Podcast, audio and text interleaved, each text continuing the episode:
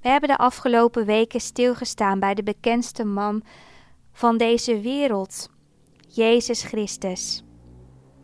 We hebben veel vragen gesteld. In deze laatste overdenking wil ik stilstaan bij het grootste wonder. En dat is tegelijkertijd ook het allermoeilijkste. Voor ons mensen is het enorm moeilijk om te geloven in grote en kleine wonderen. We zetten vaak een vraagteken bij bijvoorbeeld genezingen van zieke mensen.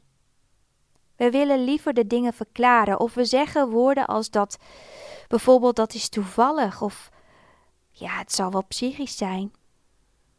Dat is veel makkelijker dan geloven in het bovennatuurlijke.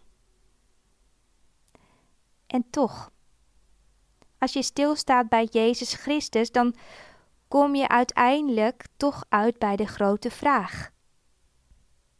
Geloof je in Hem als een man die een goed voorbeeld was voor vele anderen?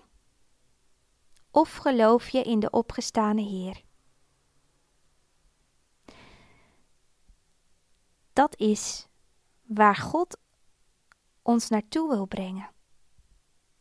Hij wil graag dat jij gaat ontdekken wat jouw antwoord op die vraag is.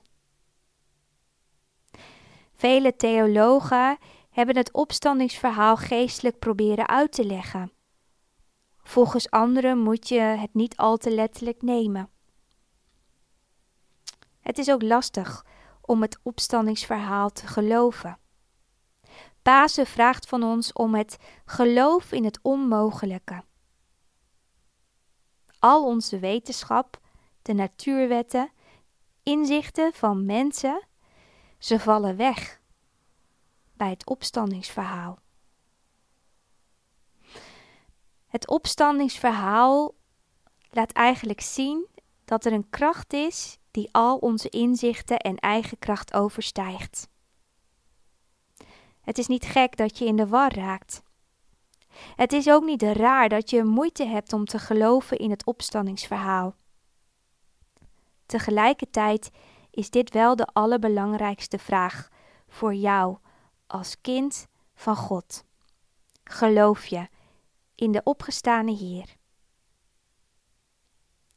Voor mij is het het meest hoopvolle van ons christelijk geloof.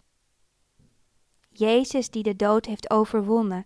Jezus die naar de hel is geweest, maar er ook weer is uitgekomen.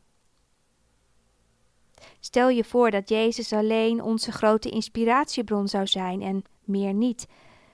Wat is dan jouw hoop voor dit leven? Wat is dan mijn hoop voor het leven na dit leven? En waarom zouden we überhaupt ons verdiepen in een mens die al 2000 jaar niet meer op deze aarde fysiek aanwezig is?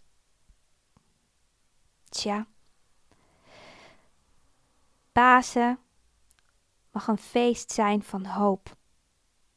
Het vraagt heel veel van je. En tegelijkertijd is het zo rijk als je ja durft te zeggen.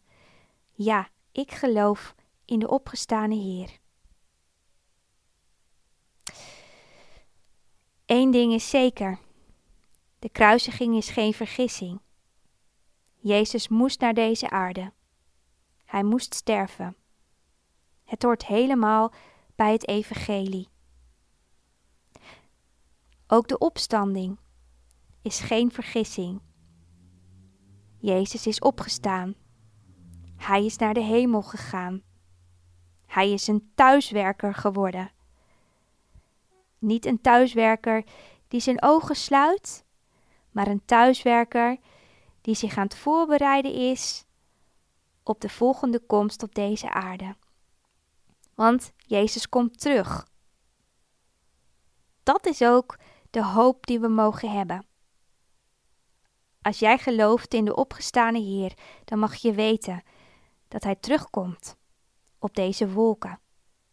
En dat elk oog Hem zal zien, ook jij dus. En dat elke knie zal buigen. En niet alleen dat. Wij mogen weten dat er meer is dan het leven waarin we nu leven. Een hoopvolle toekomst. Mooi hè? Jezus, Christus. Wat heerlijk om in Hem te geloven.